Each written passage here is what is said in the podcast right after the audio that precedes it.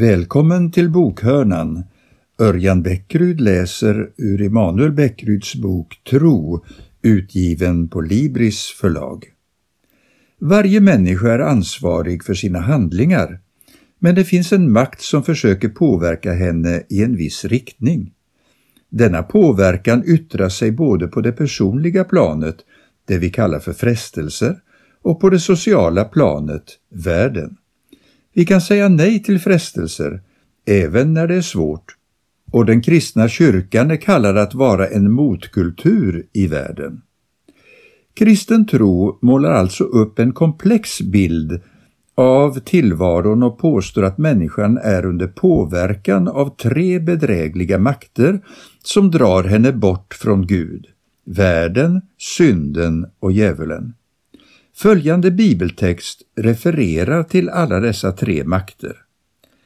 Tidigare levde ni i dem, synderna, på den här världens vis och följde härskaren över luftens välde, den ande som nu är verksam i olydnadens söner. Bland dem var vi alla en gång när vi följde våra syndiga begär och gjorde vad köttet och sinnet ville. Av naturen var vi vredens barn, vi liksom de andra. Aposteln Paulus nämner här världen på den här världens vis, synden, syndiga begär, vad köttet och sinnet ville och djävulen, härskaren över luftens välde, en ande. Enligt tidig kristen förkunnelse är dessa andemakter, med djävulen i spetsen, fallna änglar, det vill säga andevarelser som gjort uppror mot Gud och som i sin gudsfientlighet försöker förstöra Guds goda skapelse. Det bibliska stödet för denna förklaring är inte överväldigande, men ändå övertygande. I Bibeln betonas att Gud är alltings skapare, att skapelsen från början var god, men att det nu finns onda makter. Det finns alltså ett slags dualism i tillvaron. Det finns ont och gott, ljus och mörker. Men denna dualism är inte en dragkamp mellan två jämbördiga parter, utan den ena parten är evig och har skapat allt, medan den andra parten är skapad och ständigt gör uppror mot Gud. Det handlar alltså om ett asymmetriskt förhållande och inte en komplementär dualism av typen yin och yang. Den bibliska dualismen är grundad i den fria viljan. En del av Guds skapelse har vänt honom ryggen. Naturligtvis ställer man sig frågan varför valde dessa änglar, om de finns, att revoltera mot Gud? Eftersom Bibeln inte är ett systematiskt uppslagsverk tar den inte upp sådana frågor. Jag tycker att den brittiske poeten John Milton förmedlar en klok tanke när han beskriver demonernas credo som att de hellre regerar i helvetet än tjänar Gud i himlen. Better to reign in hell than serve in heaven. Ondskan blir inte mer begriplig av detta, men det kanske är just det som är poängen. Ren ondska går inte att förklara, den är en obegriplig förvrängning av det som var skapat gott. Enligt kristen tro pågår det alltså en kosmisk kamp mellan ont och gott, mellan djävul och Gud, och att inte se detta är att röra sig på tillvarons yta. Den som fått trons glasögon ser att hela världen ligger i den ondes våld. Vi lever därför på ockuperat territorium och är kallade att göra motstånd. Hur påverkar demonerna enskilda människors liv? Jag ska här ta upp tre metoder, frestelse, anfäktelse och besättelse. Frestelse Jesu treåriga period i offentlighetens ljus inleds enligt evangelierna med att han frestas av djävulen i öknen. Djävulen försöker då få Jesus på fall på olika sätt. Men Jesus klarar det som Adam och Eva misslyckades med. Han står emot frestaren. På några ställen i Nya testamentet beskrivs sedan hur frestaren även försöker få de kristna på fall. Djävulen sägs uppträda som en ljusets ängel och försöker förföra de troende. Detta innebär inte att kristen tro skyller allt ont på det demoniska. Aposteln Jakob säger, blir någon frestad är det alltid av sitt eget begär som han lockas och snärjs. En människa kan aldrig frånsäga sig sitt ansvar. En frestelse är en lockelse och den kan man stå emot. Men ju svagare man är, desto svårare är det att motstå den. Därför angrips vi naturligt nog på våra svagaste punkter. Ge inte djävulen något tillfälle, säger Paulus. Det ord som översätts med tillfälle, topos, kan även betyda fotfäste. I sammanhanget handlar det om att ilska, se versen före, kan ge djävulen utrymme att få fotfäste.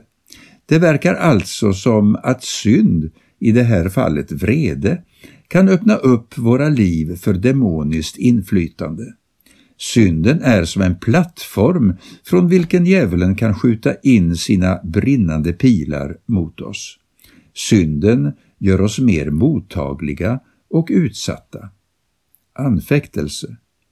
Demonerna inte bara frestar, de kan också angripa. Frestelser handlar om att locka, anfäktelser om att attackera. Som nämns ovan talar Paulus om den ondes alla brinnande pilar, om att hålla stånd mot djävulens lömska angrepp och om risken att fastna i djävulens snara. Petrus å sin sida liknar djävulen vid ett rytande lejon som söker efter någon att sluka. Pilar, angrepp, snara, rytande lejon. Dessa färgstarka bilder talar om för oss att fienden är på anfallshumör. Ett exempel på vad detta kan innebära finns i Paulus brev till den kristna församlingen i Thessalonike. Vi har verkligen försökt komma till er, jag, Paulus, mer än en gång, men Satan har hindrat oss. Han specifierar inte hur detta motstånd yttrade sig. Kanske genom det han i ett annat sammanhang kallar för en törntagg i köttet. Det må vara hur som helst med den saken, Paulus ser det som en attack från mörkrets makter. Vid ett annat tillfälle säger han att denna världens Gud har förblindat förståndet hos dem som inte tror, så att de inte ser ljuset från evangeliet om härligheten hos Kristus, Guds avbild. Mörkrets furste, världens Gud, försöker alltså aktivt motverka kyrkans uppdrag att sprida budskapet om Jesus Kristus i ord och handling. Besättelse. Det här är den svåraste formen av angrepp. I grundtexten handlar det om att ha en demon eller vara demoniserad. Pastorn och missionären Stig Andreasson skriver att vara demoniserad eller att ha en demon betyder enligt Nya testamentets språkbruk något mer än att vara utsatt för en frestelse, anfäktelse eller starkt motstånd från andemakter. Det är frågan om en sorts ockupation av personligheten. Demonen har kommit på insidan. I evangelierna ser man att en stor del av Jesu verksamhet gick ut på att befria alla som var i djävulens våld. Besättelse handlar om en slags andlig våldtäkt då verkliga andemakter tar kontrollen över en människa. Det här är ett minerat område som kräver mycket vishet, urskiljning och helgat sunt förnuft. Jag väljer inte att säga mer om detta ämne utan nöjer mig med konstaterandet att Jesus befriade människor från onda andar och att kyrkan har fått fullmakt att göra detsamma.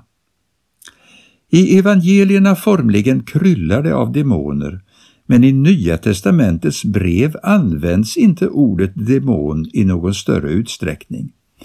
Det innebär inte att brevets författare inte trodde på deras existens. Tron på andar och demoner var utbredd i den dåtida världen. Det var något som förutsattes och inget man behövde argumentera för i breven. Aposteln Paulus använder ordet demon men gör det sparsamt. Istället använder han andra termer för att referera till samma verklighet.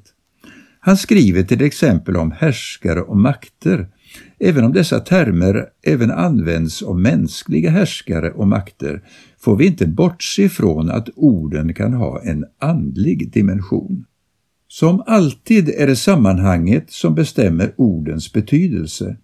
Om jag till exempel utbrister ”Vilka svin!” kan det bero på att jag fått syn på några praktfulla exemplar av djurarten gris. Men det kan också vara så att jag hört på radion att polisen sprängt eh, ett eh, pedofilnätverk.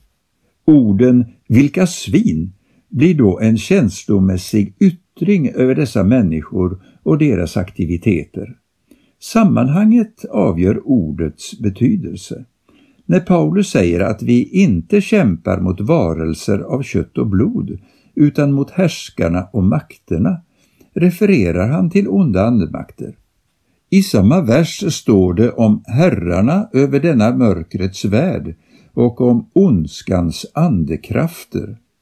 Budskapet är att det finns verkliga andemakter som är mänsklighetens fiender. Det går inte att komma ifrån dessa aspekter av de bibliska texterna, hur frånstötande de än ter sig för många av oss nutida västerlänningar. Flera teologer och kristna tänkare har försökt rädda Nya testamentets anseende genom olika former av avmytologisering, bland annat genom att tolka ondskans andemakter som sociala strukturer. Ondskan reduceras då till något abstrakt och opersonligt. Djävulen blir detsamma som världen i den bemärkelse jag använde ordet i förra kapitlet. Men Nya testamentet sätter inte likhetstecken mellan andemakterna och vår tillvaros sociala strukturer. Det finns visserligen ett viktigt samband mellan de två. Den ena står bakom den andra. Andemakterna står bakom och är verksamma i strukturerna och det är just det som ger strukturerna en sådan kraft. Vi kommer alltså inte ifrån att Bibeln påstår att härskarna och makterna är verkliga andevarelser. Bakom all ondska, vare sig den är personlig eller strukturell, finns ytterst den onde. Hela världen ligger i den ondes våld. Hur ska man förhålla sig till ondskan? Det här kan kännas väldigt medeltida för många kristna i väst. Men sanningen mäts inte med klockan. Till den som bär på en stark skepsis mot den bibliska betoningen av demoner, härskare och makter kan jag bara vädja om eftertänksamhet. Vilka glasögon har du på dig när du betraktar världen? Hur kan du vara så säker på att du har rätt? Lider du inte i själva verket av det teologen Gregory Boyd kallar för kronocentrism, det vill säga en överdriven fokusering på vår egen tids världsbild. Vi kommer i nästa avdelning att avsluta kapitlet med några tankar om hur vi bör förhålla oss till andemakterna. De är verkliga, de är besegrade, de bör inte ges uppmärksamhet. Frågor för egen reflektion och samtal. Läs om Jesu konflikt med djävulen så som den skildras i Matteusevangeliet kapitel 4. På vilka punkter frestades Jesus? Hur mötte Jesus försöken att få honom på fall? Ibland talas det om andlig strid. Hur skulle du vilja beskriva den kristnes förhållande till onda makter? Vad betyder att Kristus redan har vunnit seger?